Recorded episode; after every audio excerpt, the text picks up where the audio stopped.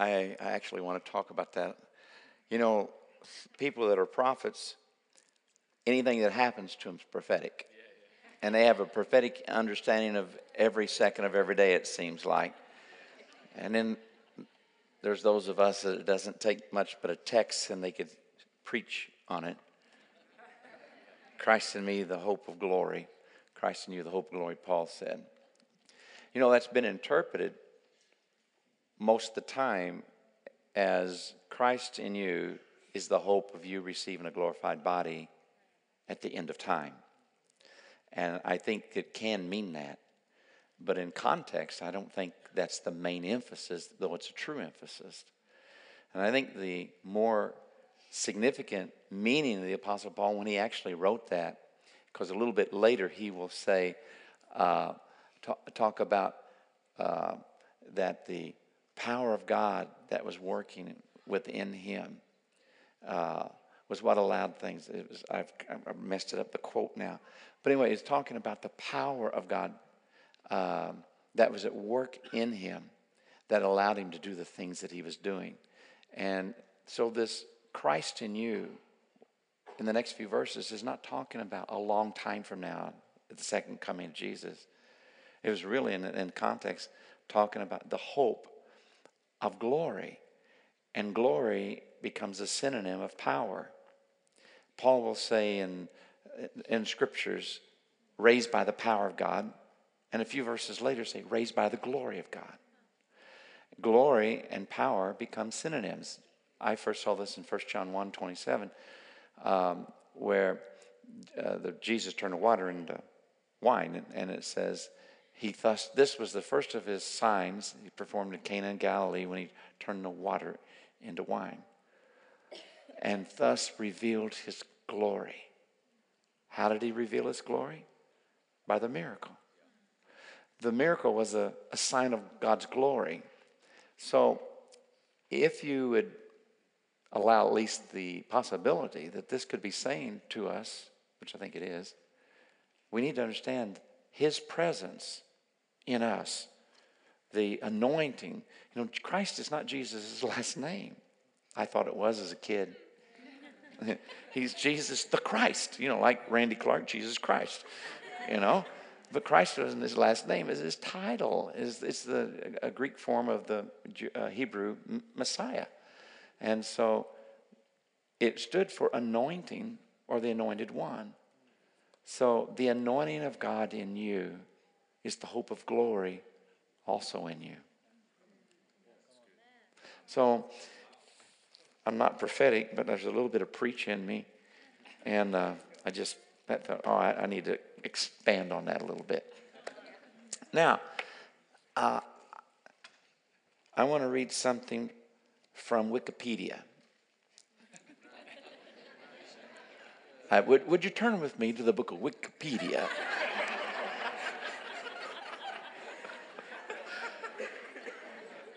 I'm not sure if it's in the Apocrypha or the Pseudepigrapha, but I know it's not in the scripture. But anyway, I want to just read something because you're Lutheran.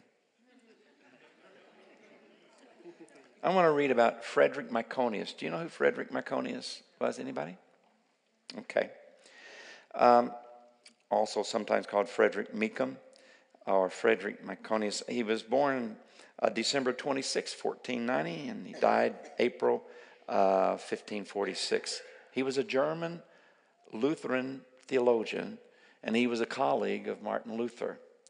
He was born in Lenkensfeld, Bavaria. He was a friend and co worker of Martin Luther. He preached Luther's message to the people of Gotha and Leipzig. He was sent to England to discuss the details of the Augsburg Confession and later wrote a history of the Reformation. In 1540, Myconius became sick and was expected to die within a short time. On his bed, he wrote a loving farewell note to Luther with a trembling hand. Luther received the letter and sent back a reply quote, I command thee in the name of God to live because, because I still have need of thee in the work of reforming the church. And then little bits left out, and then continues. The Lord will never let me hear that thou art dead, but will permit thee to survive me.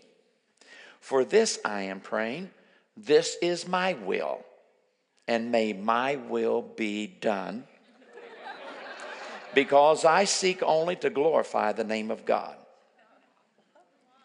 Although Myconius had already lost the ability to speak when Luther's letter came, he recovered completely and lived six more years to survive Luther himself by two months.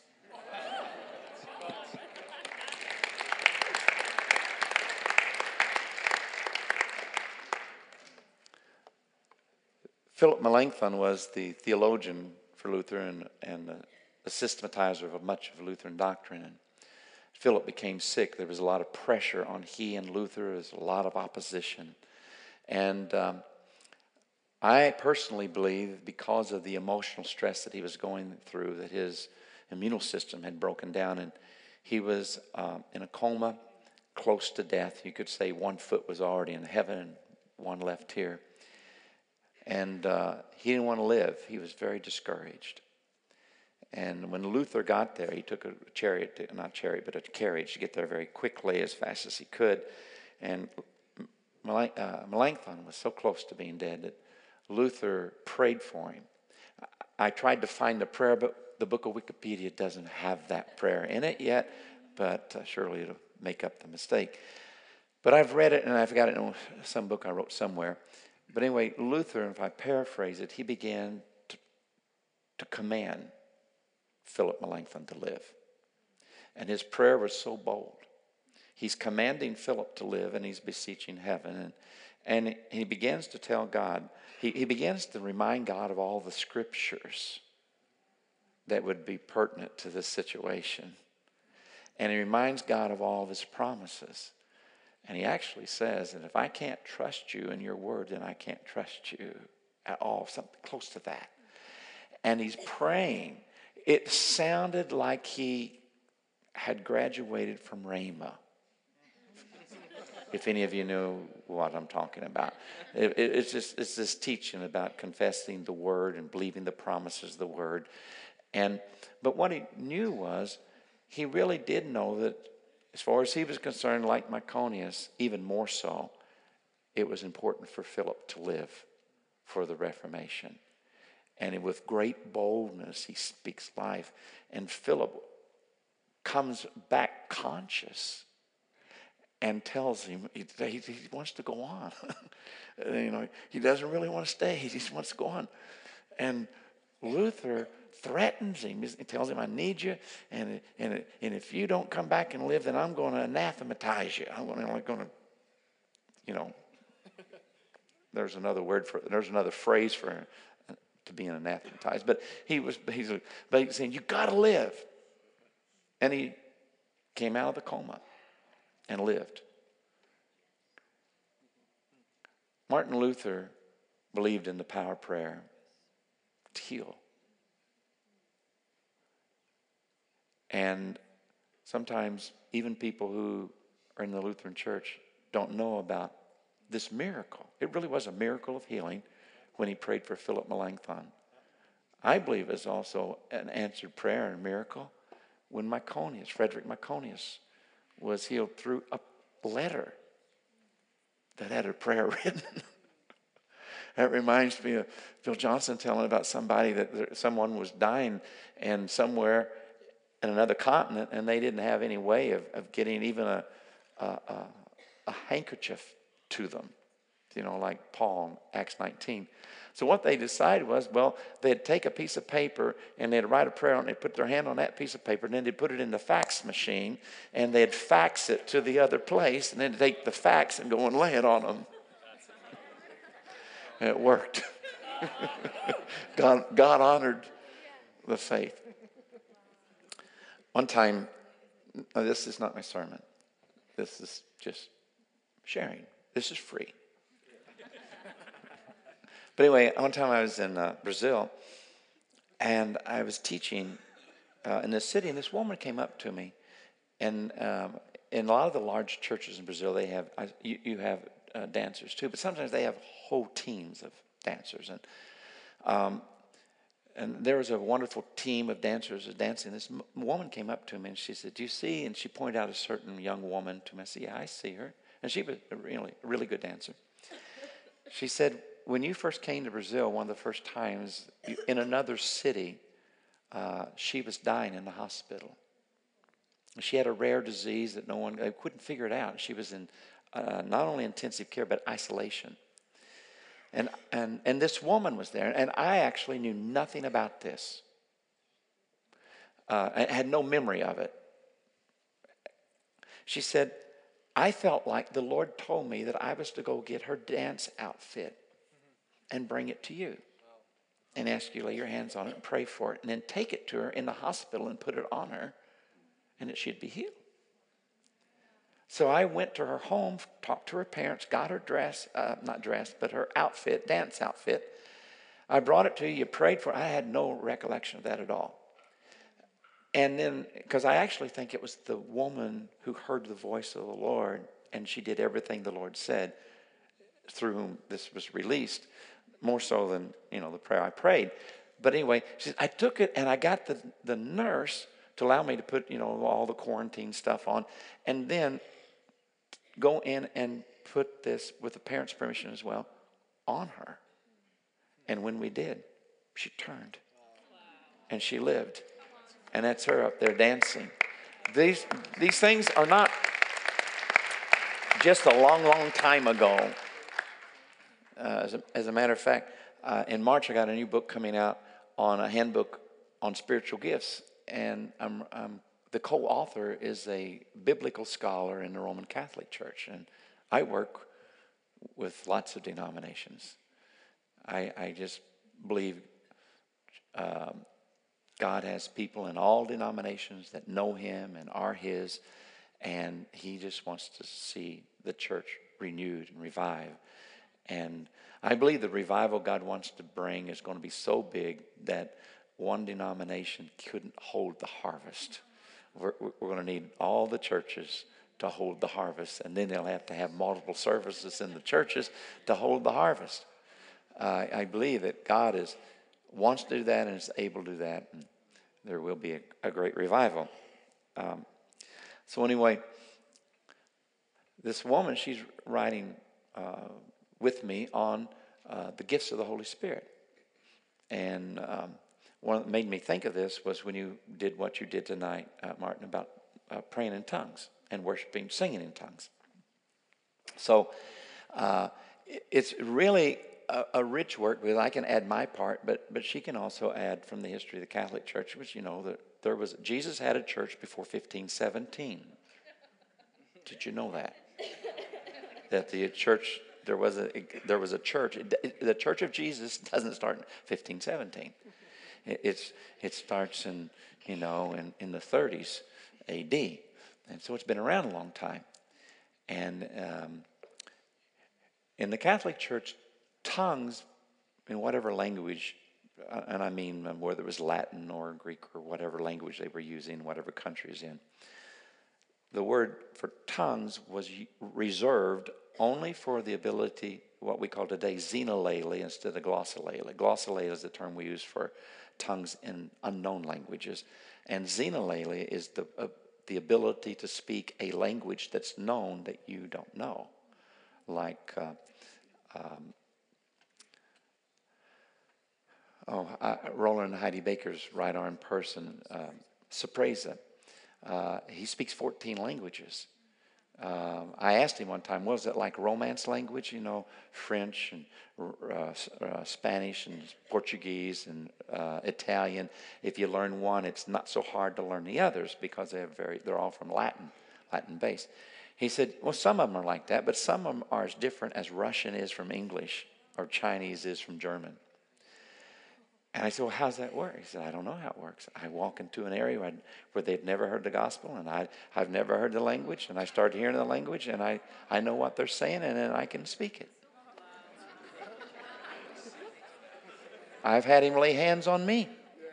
You know, I did not get a transference of anointing for that. I wished I had it.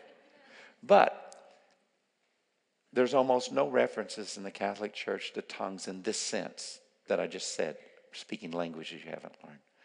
But there is a word.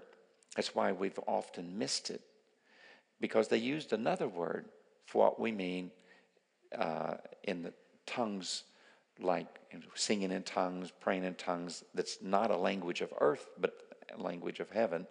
Uh, and Paul called it a language of angels, and it was called jubilation. And so the verb is jubilate, and the noun is jubilation. And what does this word mean? And and and literally meant the, and you read in the bishops, high-ranking bishops would would tell their congregations, when you want to praise the Lord and your mind can't think of what to say, jubilate. When you're full of joy and you don't know how to express it, jubilate. And what they meant was use the language that God gives you that you don't even understand it because He understands it. And it takes the limitations of language away and it doesn't allow your praise to be limited to your ability to cognitively say all that you want, but allows your spirit to continue to praise. Um, when I was 19 years old, I was assistant pastor of a Baptist church, and I'd never heard anybody pray in tongues, speak in tongues. I'd never heard a tongue message, uh, except maybe once I was about nine years old, and it freaked me out. Um, but I'd never been around it. And so I was changed. Uh, uh, we had a room that served as a changing room for the uh, baptism, but it was also a, a classroom. And I was there by myself, and I was studying the Bible, and I was praying.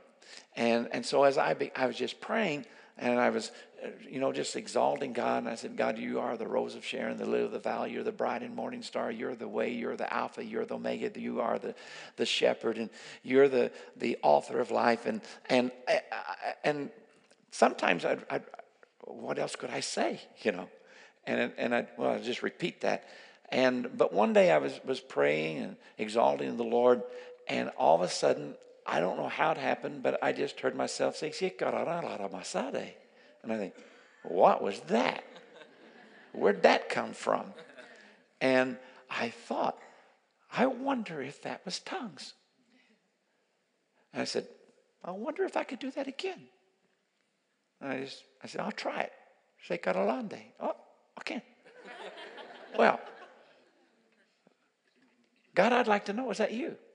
And so I wasn't playing Russian Bible roulette, but I did just want to start reading the Word. And I opened up the Bible, and it opened up to a passage in Corinthians that says, Do not let this liberty of yours become a stumbling block to those that are weak. Now, it's talking about food sacrifice to idol in context there, but in faith, this became a liberty that Paul had that others may not have had because they couldn't do it in faith.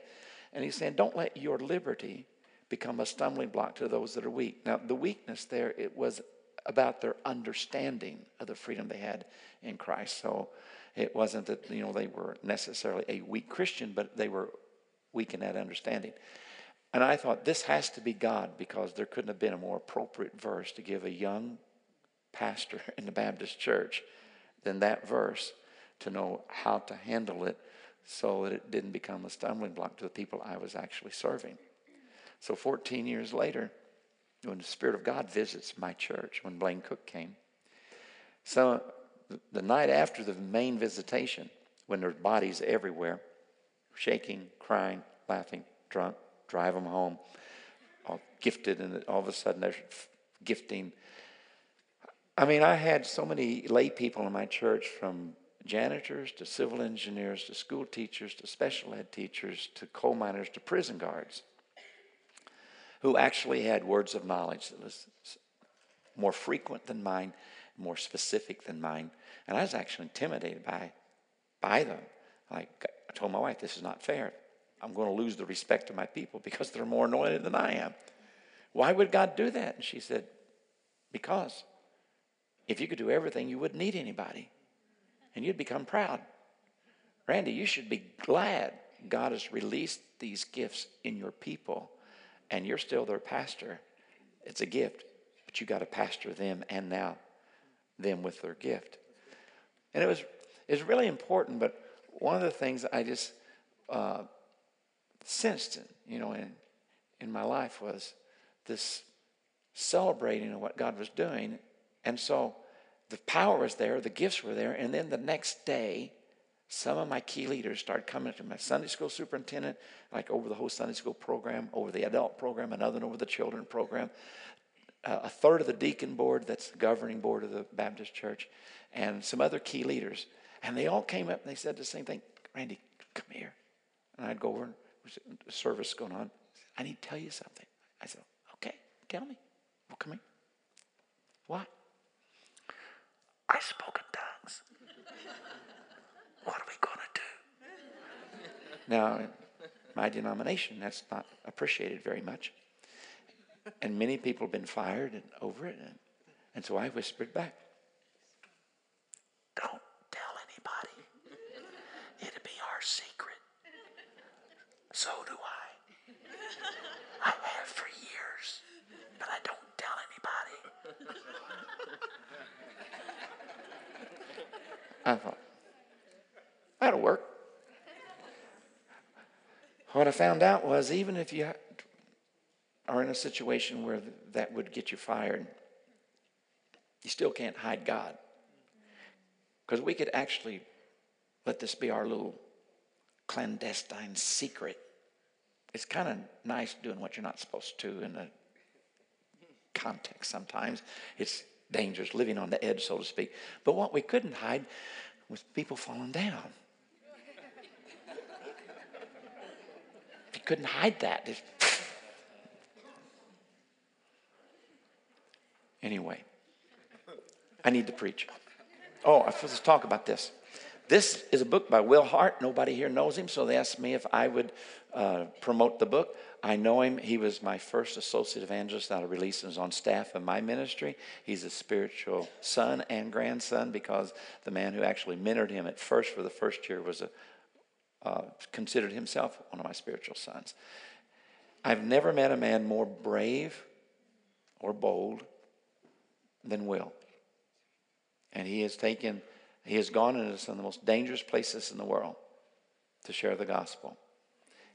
He left my ministry because Heidi Baker called me and asked for him. He said, Would you give me Will? I need him. And today he's actually pretty much under Rolland Heidi leading Iris Ministries. And this is a wild book about a wild life of abandonment to God. I, I just, he took, and his wife told him, if you're going into um, Dominican Republic of Congo, what used to be Zaire, and um, I'm going with you. And he said, no, no, you can't go. And she said, you got to ask God if I can't go. And he went, and he said, Lord, she shouldn't go, but the Lord said she could go. So he, she took, he, he's about, she's about this tall and weighed about 90 pounds. His wife and um, Musi, she's Paraguayan. That's, you know, he met her in Paraguay. Uh, he flunked Spanish twice, and then the guy that I led, laid hands on, he took Will with him to Paraguay and left him for six months in a home in a place in a community where nobody could speak English. And six months later, Will was pretty fluent in Spanish. And, uh, and he received a gift for praying for kids, that, like the man who laid hands on him, Captain Bob, who's gone to heaven now but he was an Episcopalian. Left a $250,000 income in 1994 to start preaching. He's an Episcopalian. He wanted to be an itinerant. You don't, they don't have itinerants. He had no training, but he abandoned everything because he heard a call. And he, he was a fisherman. He owned boats, plane, everything. And the Lord said, Lay down your nets and come follow me. And the $250,000 income. And he did. And he had a gift to pray for kids and those kids be baptized in the Holy Spirit. Will Hart has that gift. I've seen him pray for the children.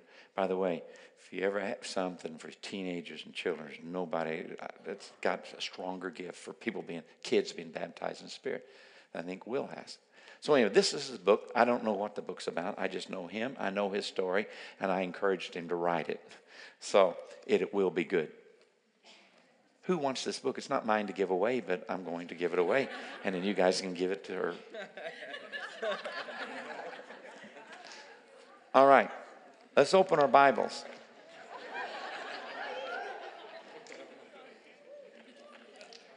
Did you believe in the sovereignty of God when you threw that? Amen. Um, I want to I want to I want to build first just a little bit of a foundation, and then talk a little bit about healing, and then uh, uh, Brian taught on healing this week, and you have your own school, and you so you have a ministry team, and but how many of you were at Brian's workshop um, yesterday? Would you just lift up your hand and say, I, I, I was in it? So, you know, if God gives you a word for healing, come up after a while when we start doing that and give it. And Brian has some words. And if you weren't in the workshop, but you're part of the church here, and God gives you a word of knowledge for healing, then come and give it. And you guys, I give you permission if God gives you a word, because I know you. And, and you can trust Him. All right, uh, let's start in Luke chapter 9. Now, what I'm trying to deal with is the argument that these great miracles were to be for the disciples, and the commission uh, to heal the sick was re- rele- um, relegated only to the 12. And that's what I'm actually, because some people teach that. I said, well, that's what the 12 are to do. And I want to kind of deal with that argument just real quickly. When Jesus had called the 12 together, he gave them power and authority to drive out demons and to cure diseases. And he sent them out to preach the kingdom of God and to heal the sick. And it talks about where they were going, verse 6. So they went out and from uh, village to village, preaching the gospel and healing people everywhere. Now, in the intervening verses, you have a lot of things that happen. You've got Jesus feeding the 5,000, Peter's confession of faith, the transfiguration. And then they get to arguing about who's going to be the greatest, you know, a little bit of pride and want, you know, wanting to sit on your right and your left. And, and, and then the, the next thing that happens is they go to Samaria and uh, to a village there, and they don't, they're not received. And it says in verse 54 when the disciples, James and John, saw this, they asked, Lord, do you want us to call fire down from heaven and destroy them? And they went. but Jesus turned and rebuked them, and they went to another village. So it, they're not perfect disciples. They're arguing about who's best. They got human pride, desire for recognition, and they want to call down fire and burn up the people that don't receive their message. and uh, so, what does Jesus do? Well, he thinks this is really working. Let's send out some more but it's not the 12. That's the point I want to make. Chapter 10, verse 1 After this, the Lord appointed 72 others and sent them two by two ahead of him to every town and place where he was about to go.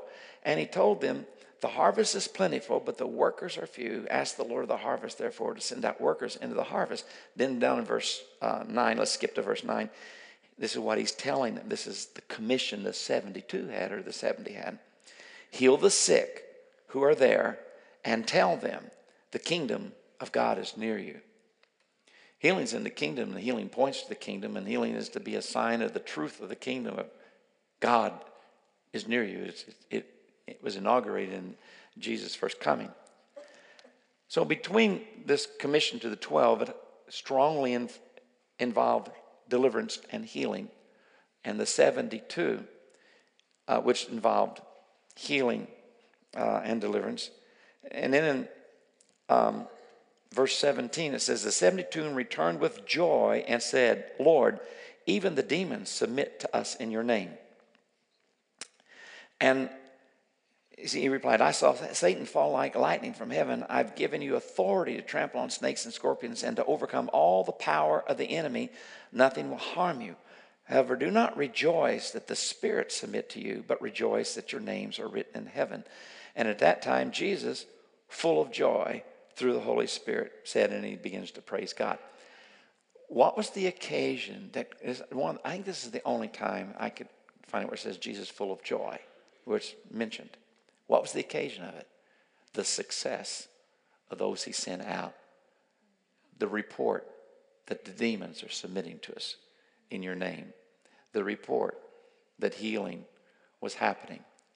It is in light of Luke 9 and 10 and Matthew 10, which is commissioning of the 12, and I believe it's also in Mark 6, that we're to understand Matthew 28 um, 19 and 20, or being even in 18. This is called the Great Commission. Next to probably John 3.16, this is probably, and the 23rd Psalm, this is probably one of the most well-known passages of Scripture in the church. And it says, Then Jesus came to them and said, All authority in heaven and on earth has been given to me. Therefore go and make disciples of all nations baptizing them in the name of the Father, the Son, and the Holy Spirit. Now, the church has done pretty good at that, but there's no period there, it's comma. And sometimes we think we've done discipleship when we've done that. But that's just half of the Great Commission. Only half. The second half says, and teaching them to obey everything I have commanded you. And surely I'm with you always to the very end of the age. And teaching them to obey everything I have commanded you. When we don't realize that healing is and deliverance is at the top of the list of the commands in the commissions of the 12 and the 72, which were not the apostles, but uh, others, disciples. We just call them disciples. At the top of the list of commands related to commissions of going, being sent, is to announce the kingdom, heal the sick, and cast out demons. If we somehow the enemy has fought that so hard, and he's also fought another principle and that is the priesthood of the believers that Luther championed. But that priesthood of the believers doesn't mean only that you don't have to go to a priest to approach God. You can go directly as a priest yourself. But it also means that the priests were those who stood in the presence of God, ministered to God, and then turned and bless the people. That we are to be a priesthood, a holy nation, a priesthood, a holy priesthood who stands before God and worships, but also then are used by God to bless the people around us. Jesus said to the Pharisees, who were the most religious people of Judaism at the time, except maybe the Essenes who were out there all by themselves, kind of like the Amish. But apart from that, you know, uh, the Pharisees, they were called the holy ones. And they were really strict for obedience to the laws. But Jesus said to them that you have made the commandments of God of none effect by the traditions of man. A tradition that allows an understanding of discipleship to arise within the church that's relegated to knowing Scripture and being more moral, that has no emphasis upon our responsibility to be brokers of the power of the kingdom, to heal, to deliver, to heal the brokenhearted as well as the physical. To, for there to be an understanding of discipleship that does not include that is to allow the commandments of God to be made of none effect by the tradition of men. So it's the responsibility of everyone who's been baptized in the name of the Father, the Son, and the Holy Spirit to be discipled, to understand they have a message of the kingdom, and that God, Jesus, will be with them to the end of the age. In Volta Redonda in Brazil, there's a pastor. He had a church of a few thousand, and it had a lot of uh, cell groups in it. One day he's reading his Bible, and he felt like the Lord told him, Here's what I want you to do. All summer, shut all your groups down. Take a map of your city and divide the city up into blocks and let there be an assignment of groups to where that the whole city is covered in the three months. And what I want you to do is release your people to go house by house and knock on a door and say, not that they're from the name of their church, but they're from the church in that city. And to say this Hi, I'm Randy Clark from the, from the church in Stavanger. And I want to know is there anything you have need of that I could pray or we could pray for you? And then the Lord said, And look for the man of peace. And if you find someone that invites you in and welcomes you, begin to build relationally there. And then they'll get their friends and neighbors and go back. And pray for the needs. Pray for jobs. Pray for healing. Pray for the needs. And then at the end of the summer, they rented the VHF stations, the cheaper way of television. And for that night, everybody in their homes turned on the TV to that station at that time, and the pastor preached the gospel. And I forgot how many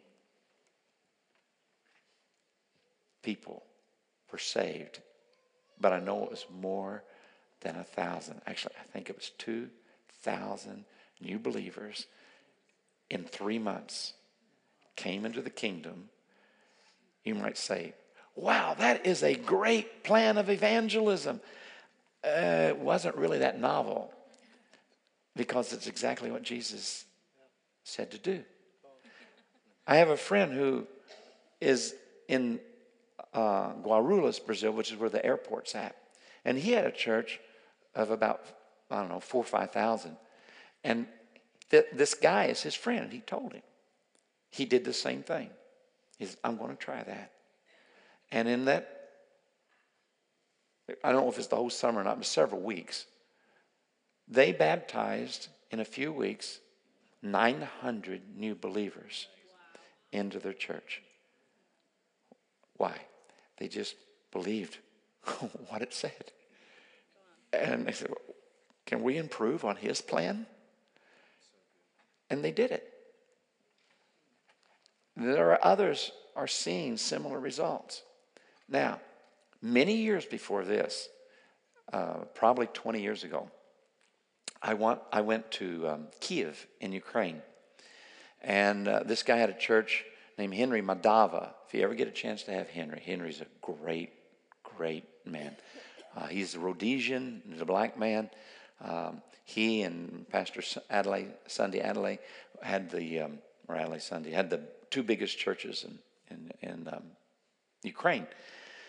So we went there, and, and God came, and there was a real impartation that came to the people of his church. They were so desperate and so hungry, and it was cold outside. And even when I'm walking out to try to get to the car, they're following us outside, still wanting us to pray for them.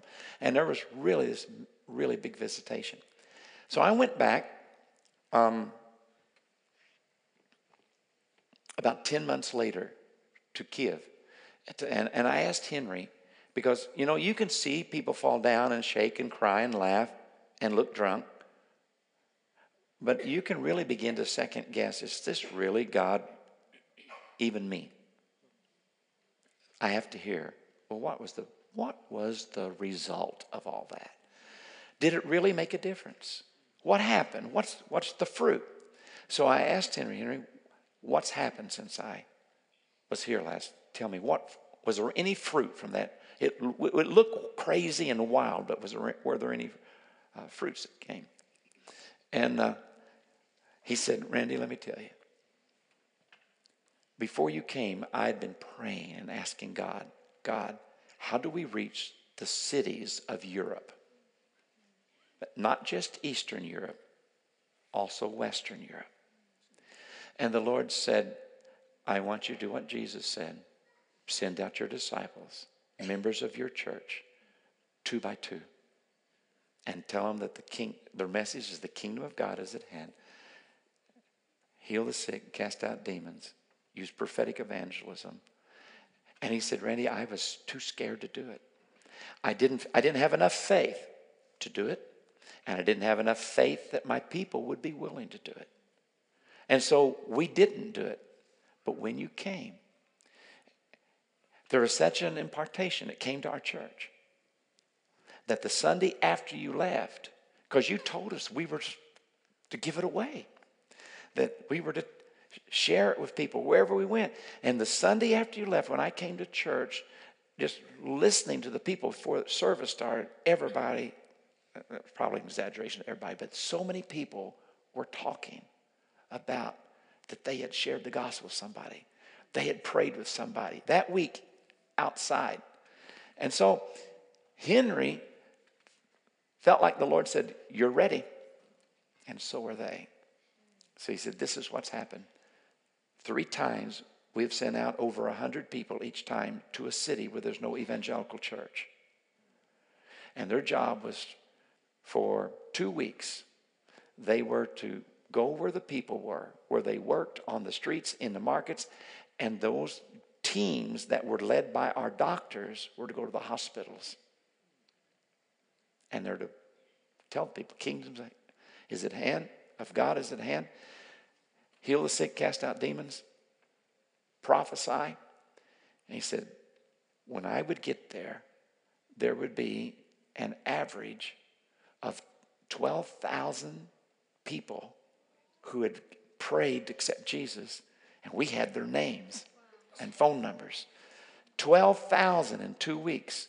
And then they would tell people for two weeks, our pastor is coming. He said, I just go out in the field and rent something cheap. And we'd have a healing meeting. And over the weekend, two, I mean, 8,000 more came to the Lord through the healing meetings. We had 20,000 new believers in each of those three cities. So, what's happened in 10 months? 60,000 new believers' names are written in heaven because they stepped out and have done it. About 10 years, I went three or four years in a row, and then for 10 years, I didn't go back because Brazil was blowing up in a good way, and I, did, I didn't have time to, to go back. So I went back about 10 years later, and I met Henry again, and I interviewed him again. I said, Henry, what's, what's happened now? He said, Randy, we have a million new believers all over the world. I've gone, I go to the Middle East, I go to Asia, I go to Thailand. And as a matter of fact, talking about Will Hart, Henry called me one time and said, Randy, I need you to go. I said, okay, where do you want me to go? I need you to go to Thailand. I want you to do a crusade for me. I've spent over a $100,000 getting this crusade ready, and I can't get a visa. I need you to go. Americans don't need visas. I said, Oh, I'm thinking, wow, I paid for a crusade. Wow, I'd love to do that. I said, Sure. When do you need me to go? He said, Today. I said, What? I can't. I got commitments. I, I, I can't go today. He said, Randy, I need, I need. And I think, oh, Henry, I can't. But I have a spiritual son. At that time, he was about 25 years old. His name is Will Hart. You've never heard of him, but trust me, he's a man of God full of fire and power. And he says, Okay, I don't know him, but I trust you. So I said, Well, I'll see if he can go. I called him. Will, would you like to? God, I knew Will wanted to go to Thailand. I knew that was his heart. He had it on his heart. I want to go to Thailand preach. I want to do crusades. I said, Will, would you like to go to Thailand and do a crusade paid for by somebody else? Yes.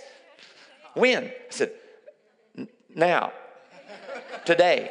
I mean, like in about an hour, you gotta you gotta leave. You gotta catch a plane.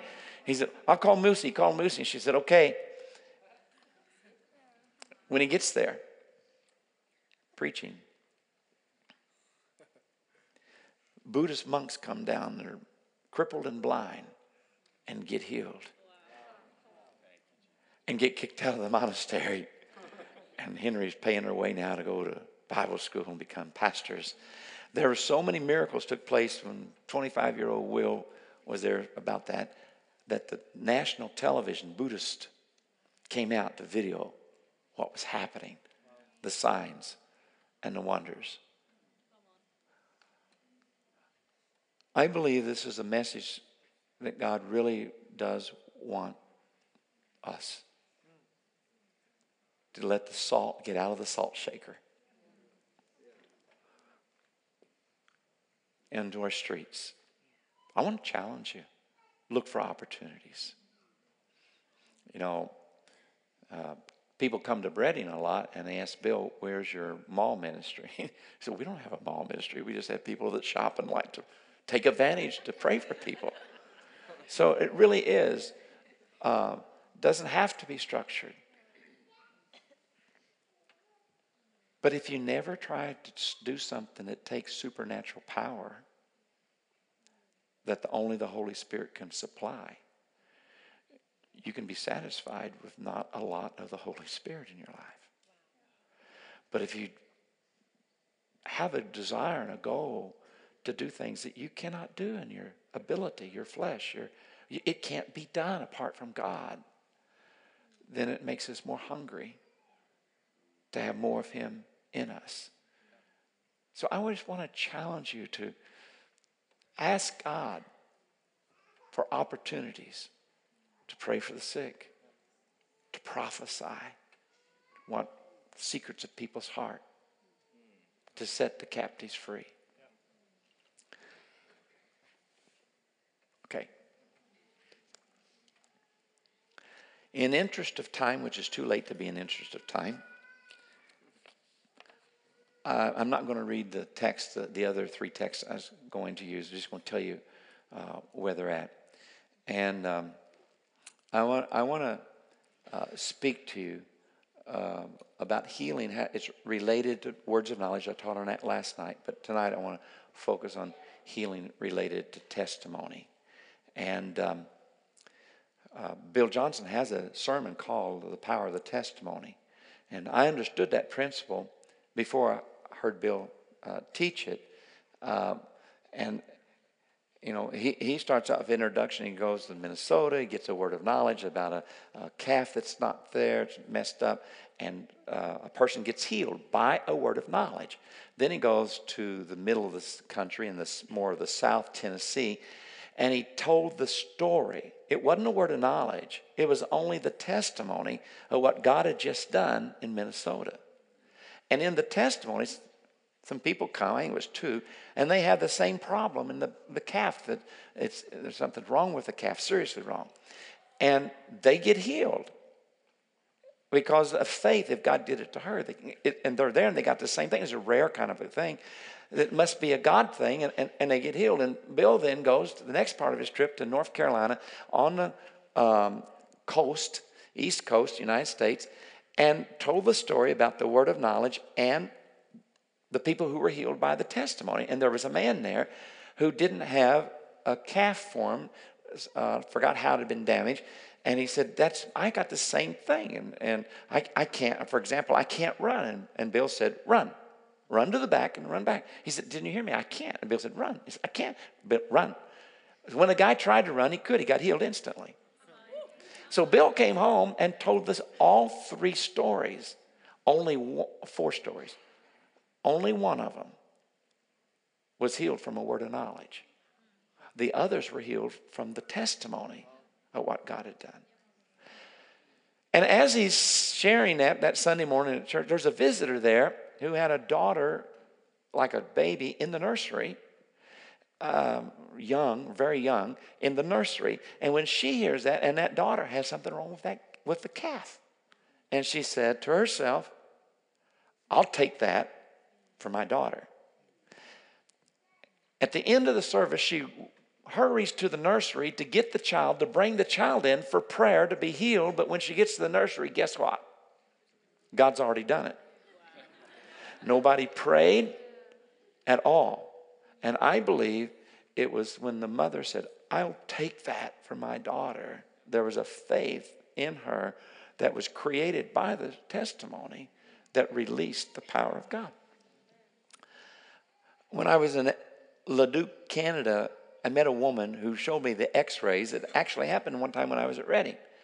And you know, I think Matt, you and your wife would probably remember this story, but there was a woman who had had a very bad accident, and her bones were just really bad, broken down around the uh, ankle bones. And uh, she was uh, not able to walk without an aid. And there was a word of knowledge that night for that area in the bone, and I think it was her nephew or some relative was there, a younger man, and he said, I got to tell my aunt, I think it was, I don't remember now. And so he sends her a text, like, I know this is for her, and sends her a text. But she didn't have her phone on. She, when she woke up in the morning, she needed to go to the restroom. She was really droggy got out of bed and started to walk without her crutches. Got halfway to the bathroom, she realized I'm walking without pain. Was healed, didn't know what had happened, and as they're eating breakfast together, she turns her phone on and sees the text from the relative, who I believe is that relative's faith that brought the healing to the woman because she was snoring when she got healed.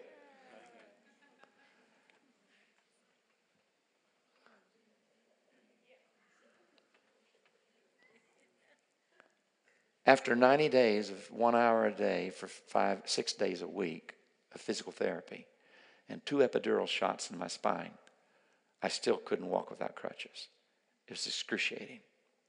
I'd had a partial healing when my son called from Japan, prayed for me, and the 24 7 prayer that I couldn't, just constantly in, pair, uh, in, in pain, on Percocet and three or four medications, and Percocet's uh, very strong I think it's an opioid. But anyway, um, I still was in pain. And as soon as that prayer was over, my pain ended, except I can't touch my foot. Because the moment I touch my foot to the floor and feel any pressure, the pain comes back. Lift it up, pain leaves. Prior to that prayer, it was just 24 7 pain, but it wasn't complete. Sometime later, I wake up. I'm supposed to have surgery because there's nothing else they could do. They told me after those two epidurals that doesn't work. Surgery's the only last you're going to have to have it. Had two pinched nerves. But I woke up and I, and I reached for my crutches and actually accidentally touched my foot to the floor. It, it didn't hurt. And I, I got out of bed. And I, I, I'm in no pain. So I go around the corner and we have stairs. And I, I, when I went upstairs, I had to grab a hold of the rails and one step at a time, you know, like this. And then hold on and push the other foot and not let any pressure come on that, you know, hold on and, and, that, and I had to go upstairs like that. So I went around the corner and went up the stairs, normal, without holding anything. And I yelled to my wife, I've been healed. I don't know how it happened.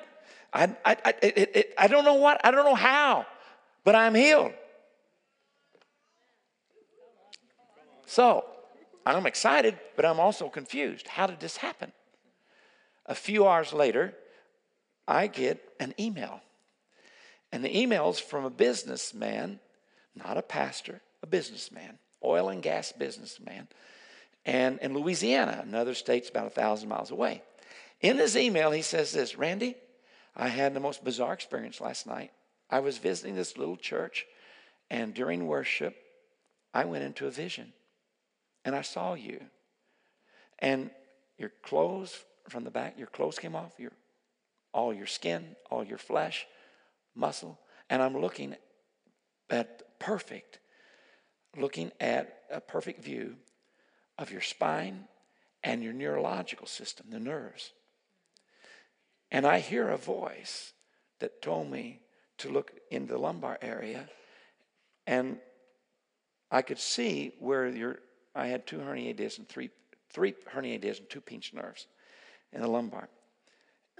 And I could see where the herniated disc had actually the stuff inside squirted out and was laying on the nerve.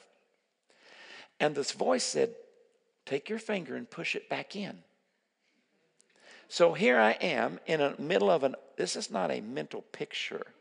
We're not talking that kind of. See, I always ask people, said, I, I saw something. I said, Well, did you see something like a mental picture, like a daydream, or was it an open vision where you could see nothing but that? And he said, This was open vision. Anyway, he said, So I did it. I'm at, there I am in church. And he said, They must have thought I was crazy. So that's why I'm right sending you this email. I want to know what happened. And I said, You're not going to believe it. I said, Well, you probably will believe it. But I woke up this morning and I'm healed. And now I know why. And then I said, And I'm so glad that I was healed before I read this because nobody can say it was placebo effect because I was healed before I even knew what had happened. That's that is like a word of knowledge that was acted on. His act of obedience released healing to me. My faith was not involved in my healing, his was. Uh, that's one of the themes that I'm seeing, and this is, I didn't see it, but I see it now. But sometimes God uses a word of knowledge to create faith. I mentioned this the other night, but um, what, four or five years ago? Two years ago. Two years ago. I got, I got hurt three years ago in Nigeria when I was praying for a big man who did not expect to fall, and he fell suddenly and grabbed my wrist and pulled me down. My head went into his chest, and I ended up with four herniated discs two in the top, two in the bottom, going different ways, like that. And I got prayed for for a year, and I still hadn't been healed. And so I had gone to the doctor, uh, and that's when I found out with an MRI I had four herniated discs. And uh, so as I'm in my own headquarters, we're doing this. Uh, for those who weren't here last night, we're we're praying uh, for. I'm getting word. Get, people are giving me words of knowledge for the people to be prayed for, and I get to Brian here, and I uh, he, I said, "Do you have a word?" And he said, "Yeah." And he said, "There's somebody here. You have herniated disc, cervical herniated disc in the neck." And I thought, "Oh, that's good. That could be me," because you know I'm going to go for any time somebody's got something, and even in the ballpark, I'm going to go for it. And, uh, and then he said, and the person's birthday is February the 18th, 1952. I asked, anybody got a birthday then? Nobody. I said, it's me. It's my birthday. He prayed, just very brief. I was almost instantly 80% better, and said, don't even have to pray again. With that direct word, I know I'm going to be healed. I, I just know it. I don't even need another prayer. It's, it's not there yet. It's, it's eight, at least 80%, but I don't have to pray. It's going to happen. And within a f- few days, you know, the rest of it came. But now, his word did create. Because I'd been prayed for, a, not a hundred times, but f- over a year, I'd been prayed for many times because it just hurt. It hurt a lot. I'm, I was always massaging it. The muscles were tight, headaches and stuff. God created the faith. He created the faith through a word of knowledge. But God also creates faith through testimony. And he creates faith through acts of, he looks for faith through acts of obedience. That's why when I first started praying, I learned uh, for the sick, when I met Omar Cabrera, I asked him, why do you ask people to do stuff? And I began to understand when Oral Roberts, anybody remember who he was? He had a very powerful healing ministry, and I remember watching him on my great grandmother's lap when I was about four years old. I was mesmerized by healing, the healing line and the healing tent. And so Oral Roberts did not believe when he said, Those of you who are watching by home on your television, I want you to right now to reach out your hand and stretch it for, toward the screen of your television to receive your healing. He didn't believe there was going to be anointing flow out of the television, but he did know that it's important to create an opportunity for somebody to have an act of faith. And that's what he was doing. When I ask people to stand up, that's what I'm, it's like the Lord said, don't let them sit. Ask if they have the condition, ask them to stand up. Involve them. Do not let the people sit passive. Give, create opportunities for something they can do to be an expression of faith. So, very quickly, Luke 6, verse 17 through 19. There's a great crowd there that's come from many places, and everybody wants to touch Jesus because it says, because power was coming out of him and healing everyone. Power, they wanted to touch him because power was coming out of him and healing everyone. In Luke 8, 47, beginning around verse 47, there's a woman, and you know this story. This is the, uh, the parallel in uh, Matthew 5, is the, uh, is the woman with the issue of blood. And in the story that's told in Matthew's gospel, it's not told in Luke's gospel. And Luke says that she was healed and that she was realizing she, Jesus said, Who touched me? And Peter said, What do you mean, who touched you? A lot of people are touching. He said, I know power went out of me. And so it says, She, realizing she couldn't hide herself, came trembling and told why she had touched him and how she had been instantly healed, or how she'd been healed. Luke doesn't say what she said, but Matthew does. And Matthew says that she said, I said to myself, if I can only touch his cloak, I'll be healed. And in Mark's gospel and Matthew's gospel, and I believe Luke's gospel, it says in the telling of the story that she touched the hem of his garment. It's very precise detail. She touched the hem of his garment. She said to herself, If I can just touch his cloak, I'll be healed. But in the telling of the story, the evangelists say, all of them say the same thing. She touched the hem of his garment. My question is, what caused her to have that kind of faith that if she could just touch him, his clothes, she'd be healed?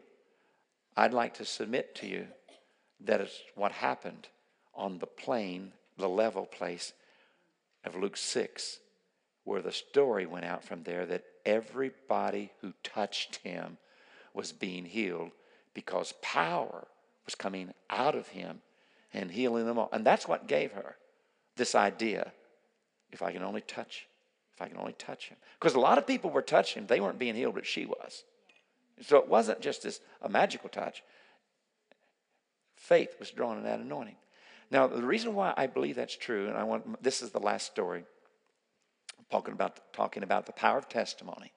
So you have Luke 6, Luke 8, which is parallel, and, and I, I believe it's uh, Matthew 5.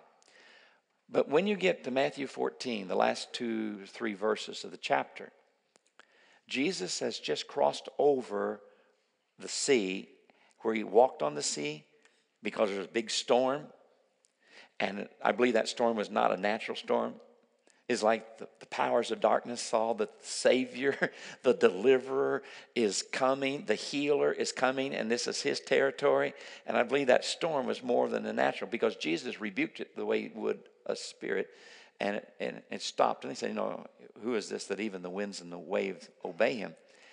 So he has a battle before he gets there, but when he gets there, they realize it's Jesus. And it says the men went throughout all that region and they brought all the sick to him. Now, here's the point. And they begged him to let the people just touch the edge of his cloak. Why? They could have said his hand, his head. touch them, say the word. There could have been a thousand things they could have said, but they don't. They specifically say, just let them touch the edge of your cloak. I've read commentaries. I don't like the commentaries. They say, oh, this is superstitious. No, this is faith. This is not superstition. This is faith. Faith in what God was had done and how people had been healed, that that same power could heal their sick. And it says, and all who touched him were healed. He healed them all. There'll be more healing in the church when the church is not afraid to give their testimonies in public places. There'll be more healings in the church when you realize that that probably wasn't the woman the issue of blood that had gone to that region, but somebody who heard her testimony said, I got to share that. Every time there's somebody gets healed in your church or in your cell group or somebody in the city, you know, you learn of a story of a healing. It's your testimony. Is it? No, it's not. It's theirs. We're one body. It's not about us. See, testimony is not bragging on you, it's bragging on God. Testimonies build faith. So many people, you know, a lot of times we, you talk about Redding a lot. I do. Culture of faith as well as culture of honor because they learn how to value and steward testimonies. And this story, I love it because I've heard Bill tell it many times, but there's this woman, she was not a Christian hairdresser, but she had had so many Christians sit in her seat while she's getting their, their hair done and she's doing their hair, and they told her stories of healing at Bethel. So that one day, a woman, one of her uh, clients, sits down and she can tell that something's wrong. Countenance. And she begins to ask her, What's going on? And the woman is very sad, said, I just found out I have cancer. And the unsaved but believing, see, we can have believing unbelievers and unbelieving believers. And what we need is believing believers. So this, unbelie- this believing unbeliever, in the sense she wasn't part of a church, she said to the woman, You need to get up to Bethel Church because they're seeing people get healed of cancer. She wasn't even saved. But she was free enough to tell a friend where she could get help. You want to see more healings in Stavanger, and you want to see more healings in IMI-Kirken, you got to be more free in sharing the glorious testimonies that He gives you. Tonight, I've shared other people's testimonies as well as my own because it's not about them or me, it's about what He did. And so I just really want to challenge you not to be embarrassed. One other thing I understand sometimes we don't want to testify that we're better because we want to make sure, and we want to make sure two or three weeks from now we're still better. But I'm not asking you if you're totally healed to wave your hands. I'm not even asking you to testify how you're going to be two weeks from now. What I am asking you to do is if you are better by at least 80% in this moment, has nothing to do with next month, next year, but right now, that you'd acknowledge that by this a simple thing.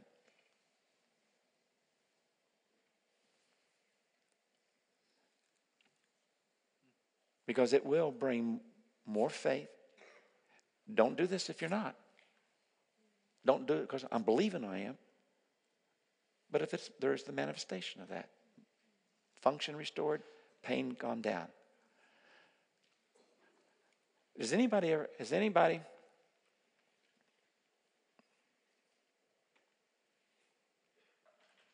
Wow, never mind, I don't want to say that. I'm going to show you a video of uh, the second video, and uh, it's going to be about four and a half minutes. It's one of the greatest healings I've seen in my lifetime, and it happened in Europe. Well, I don't know if it's part of Europe anymore, but in England. I heard England left Europe, so. Uh, but anyway, um, Switzerland did too. Oh, you guys. No, you weren't in. Okay. But anyway, were you guys there when it happened? Did you see it? You didn't see it. Okay. Alan was there. So I want you. To, I, am not going to steal the thunder from her testimony, but I'm going to set it up to begin with. This woman, I think she's mentally ill.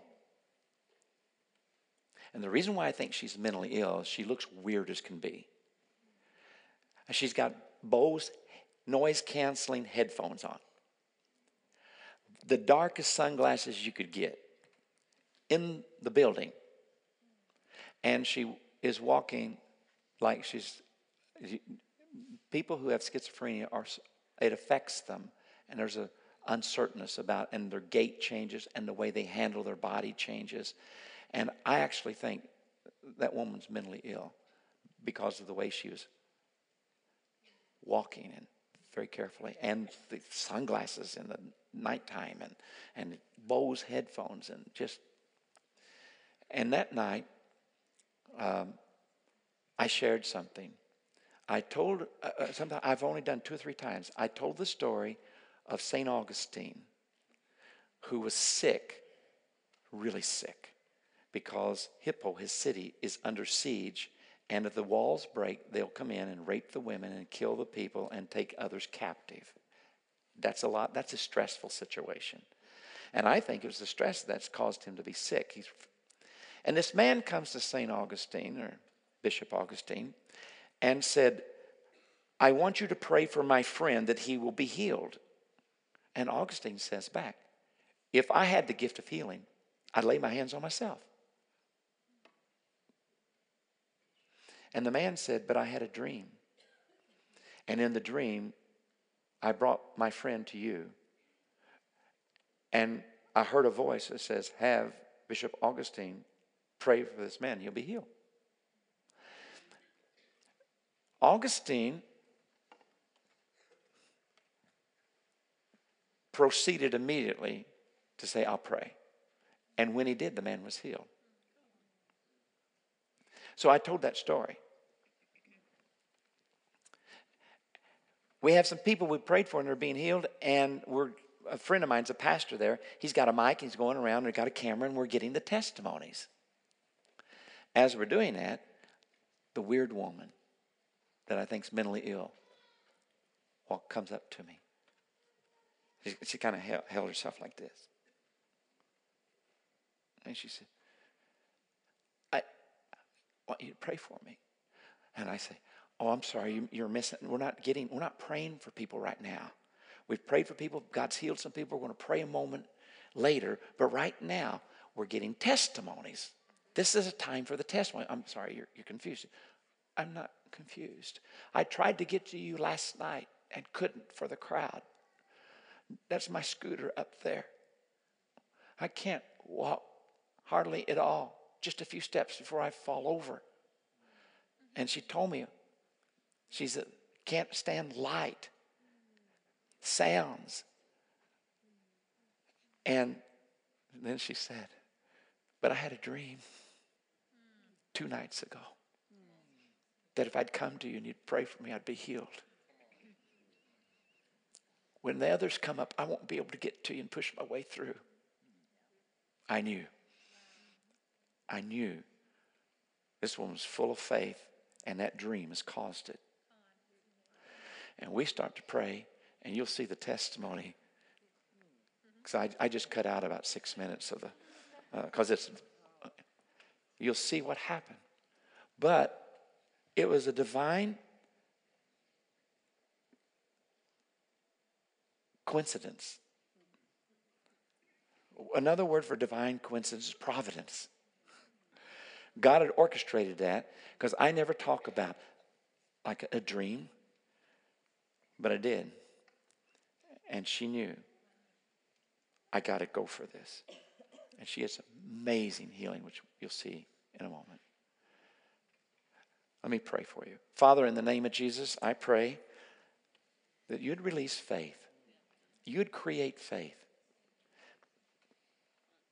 We pray for the gracelet of gifts of faith to come. Increase our measure of faith, but also supply gifts of faith.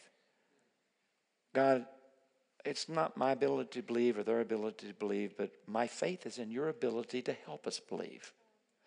That I take so much confidence. So I pray for this night for the name of Jesus to be glorified through the people who are healed. So we pray for his glory and yours.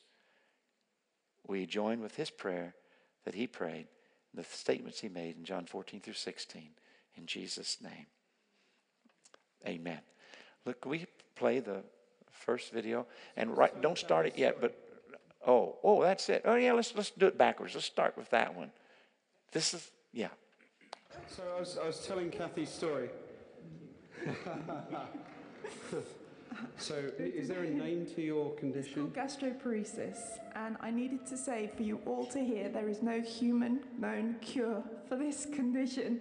The best they can do is help you live with it. If it doesn't kill you, but it's not killed me. Hallelujah. Thank you, Jesus.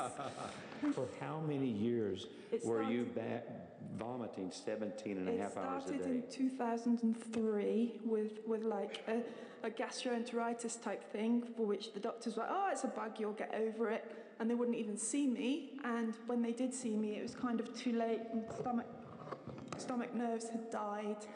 And um, I had a bacterial infection that didn't respond to antibiotics. And they were kind of scratching their head because they'd never come across a me type thing. So all they could do is take me into hospital and patch me up and put me on glucose and then send me home. And then three weeks later, I'm ill again. And it was years of that until eventually I couldn't even walk from here to here without passing out. I was covered in bruises, and people thought that my blessed husband was beating me up, which he absolutely wasn't. And he bought me a cycle helmet to wear in the house because I was falling on the head so much, and I refused refused to wear it.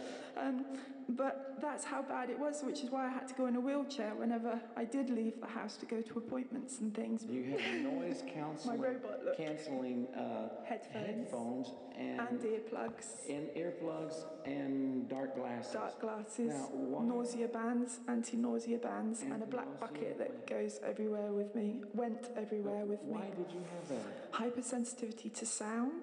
I became hypersensitive to sound and to light, at one point to touch and smell as well. The Lord has done tremendous healing in different stages over the years, but in loud places like this, it was just impossible for me unless I had those aids. And at home, I was constantly having to tell my husband to talk quietly because if he boomed, it was like somebody stabbing blades into my head. You a serious issue with migraines. Oh, I had migraines initially, no word of a lie, before all of heaven for nine and a half years non stop. And and they just didn't know what to do with me. The the pain clinic were like giving me everything and nothing was like getting rid of it. And the only thing that got rid of it was intravenous pain relief, which you can't go home with, or fentanyl lollipops. Basically they said, sorry, we, we can't take away the pain because you might get addicted to them. So I had no pain relief for all those years. Now, was there anything else you were healed of last night? Oh, so much. Basically, from the neck down, I feel like I've had an operation. And if anybody's had an operation, you know, when the anesthesia goes in, it's very, very cold. And, and I still feel very, very cold. But then parts of my body just suddenly start really vibrating. And it's like I'm on a vibration platform. And it gets really, really hot. Like I have to start sweating. And more and more healing's going through. I've still got some pain in my legs, but I know it's going to go.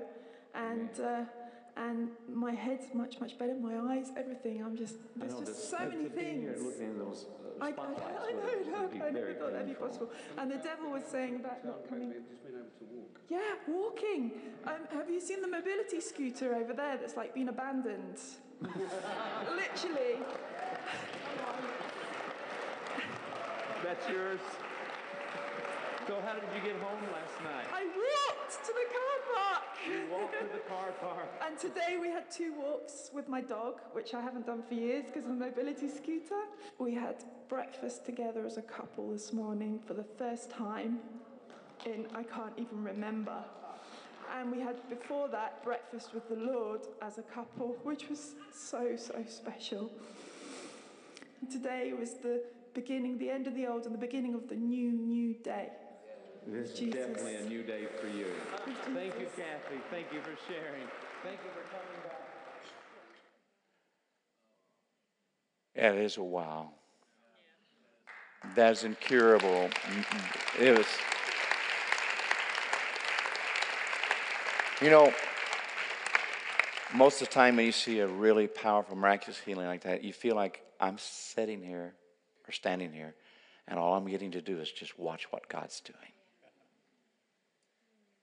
Because it really is. It's you get to see what He's doing and bless what He's doing, but you can't make it happen.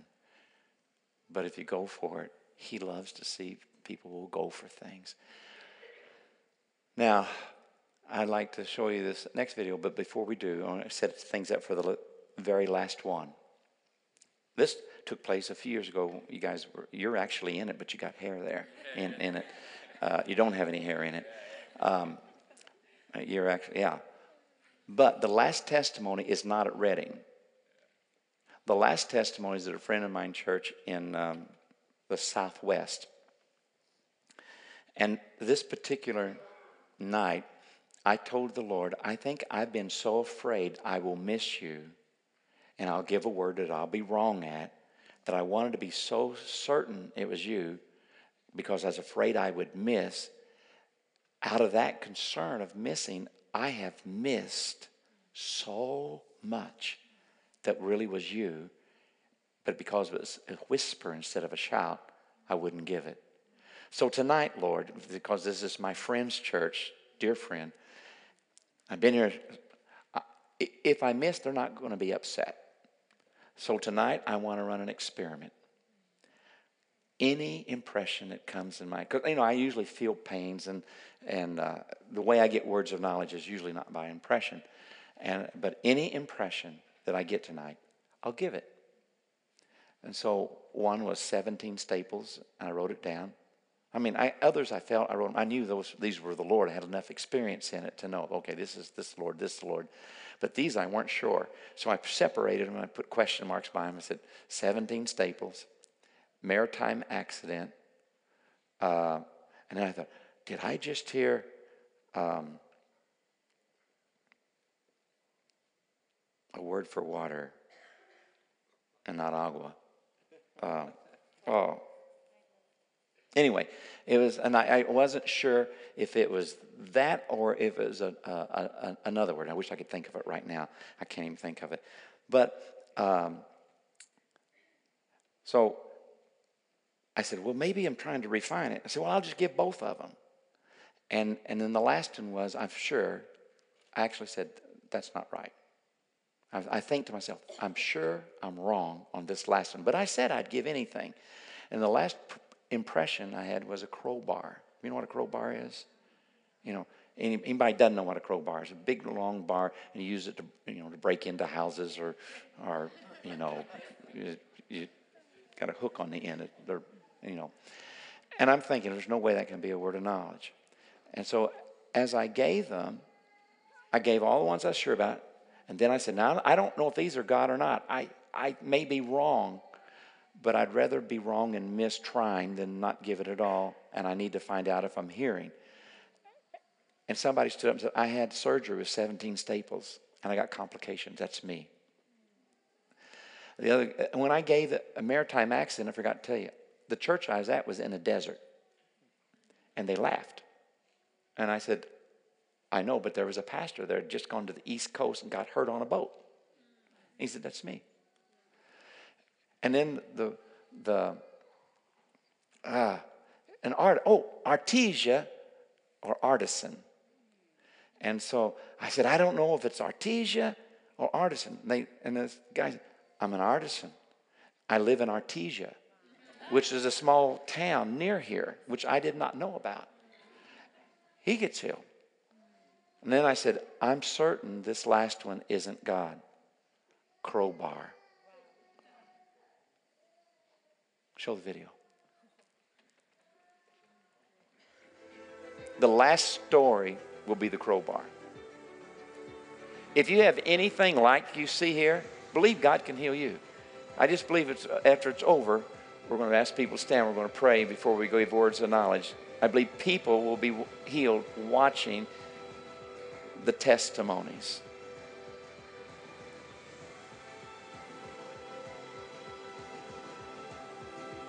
Everybody waving their hands like that had been healed 80% or more as an Asia. My name's Eli. Eli, Yeah. what was your problem? What, was the, what, was, what have you Um, healed of? a metal plate sticking out of my arm for years and in front of everyone. Like the- this, off her arm. and It's The- always been that it way. just went down, I don't- watched it go flat. yeah. In an instant, I watched it go flat. As we were praying over her, it disappeared. The plate's gone. She's always had that. It's gone. It's It's gone. gone. It's gone. You can see the rib. You can see it sticking out. it. This I- far. All this, the screws that had come out were in my muscle. They were embedding, and so. Can I just?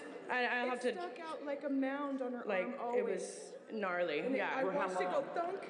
Since like 2006. So So. for eight years or nine years, Yeah. nine She's years. had this huge plate coming out of her arm.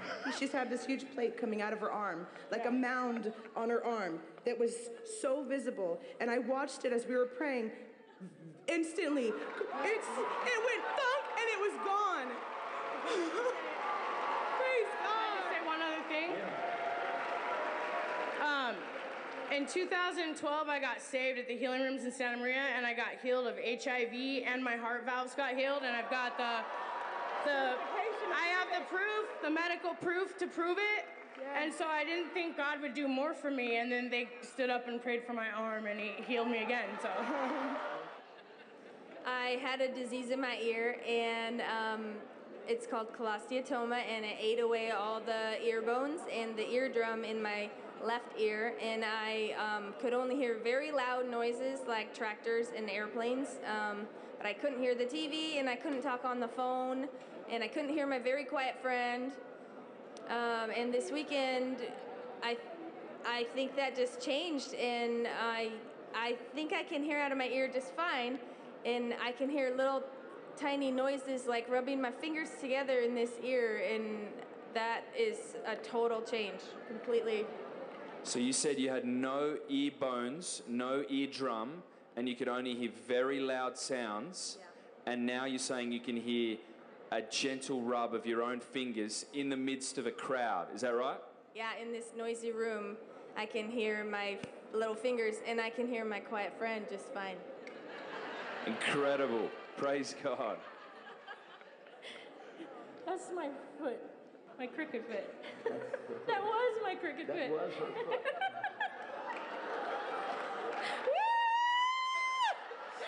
That's her socks she's waving.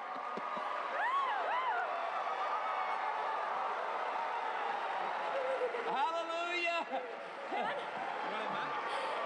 And it also affected my back. So when my foot got healed, I don't have any more back pain either.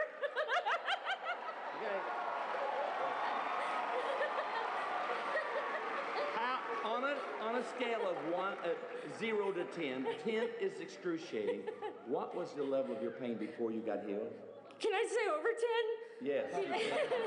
and Because a, a lot of the times, like, I couldn't even make dinner for my husband or do anything with my grandkids. What's the pain level now? Zero.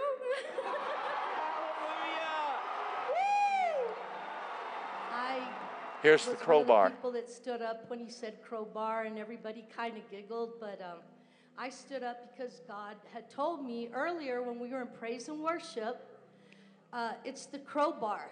You're still holding on to that. A reason is is that um, I suffered domestic violence, and I was beaten with a crowbar. My neck was broken, my jaw was broken. I suffered loss of hearing, and this year I couldn't hear at all. I wear a hearing aid. Um, the associate pastor and his wife could attest, they're my uh, in laws, they're my brother's niece, so they're mine, um, that I can't hear. Um, but we were in praise and worship. He said, Now I'm going to wash you clean. And I was there, I was kind of embarrassed, but I was just soaking. It was just getting wet. And I, I said, I better take off my hearing aid or else I'm not going to be able to hear. It's not going to work because they get wet, they don't work. So I took it off, and then I was saying, Wait, I could, I could hear. I don't know how good I could hear, but I've never heard you before preach, even with a microphone, without the hearing aid. And tonight, I didn't wear the hearing aid. It went right into my Bible pocket, and I haven't put it back on. Because it was the crowbar, I guess, that when it beat me and broke my neck and my jaw, and God healed me inside my heart because He said, It's not the hearing that you want, it's the healing inside that you want. But I'm going to give it to you anyway. Amen. Amen. Now, the Lord had spoken to her and told her before, is this correct? Before I gave the word crowbar, he told you he was going to heal the crowbar issue Yes. for you tonight. Yes. And then we get this word crowbar. So thank you for coming and giving that testimony. We and thank you, Lord. Yes, thank you.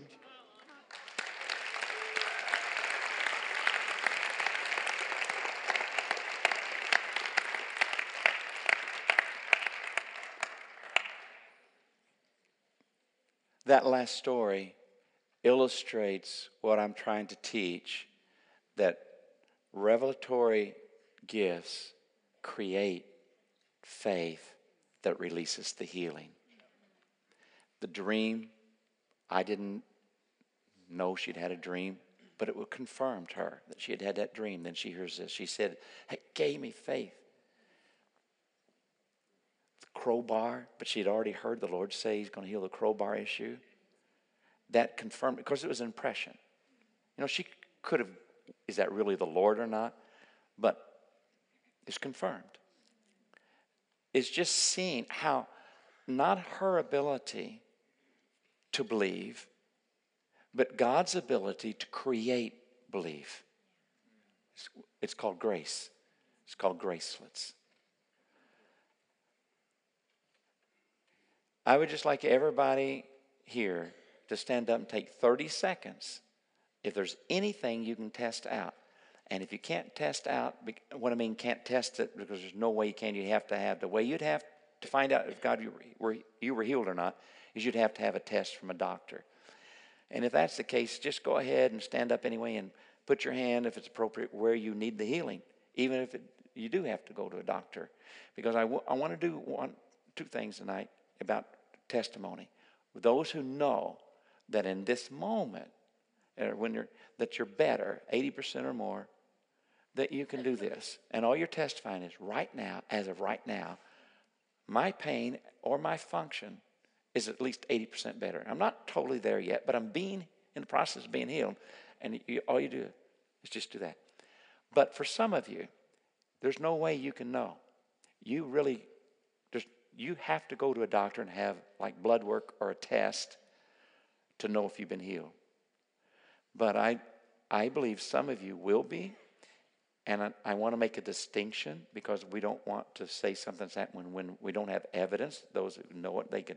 But if you have to have a test, if the power of God's presence comes upon you very strongly tonight, and you believe because of His presence that visits you that you've received healing, I'll give you a chance, but a separate opportunity.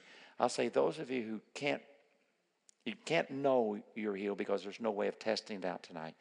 But you believe you were healed because of his presence, his power that came and touched your body. And we, we know you can't prove it, but you believe it's happened. I'll give you a chance to do this. But we will make a distinction. These have evidence.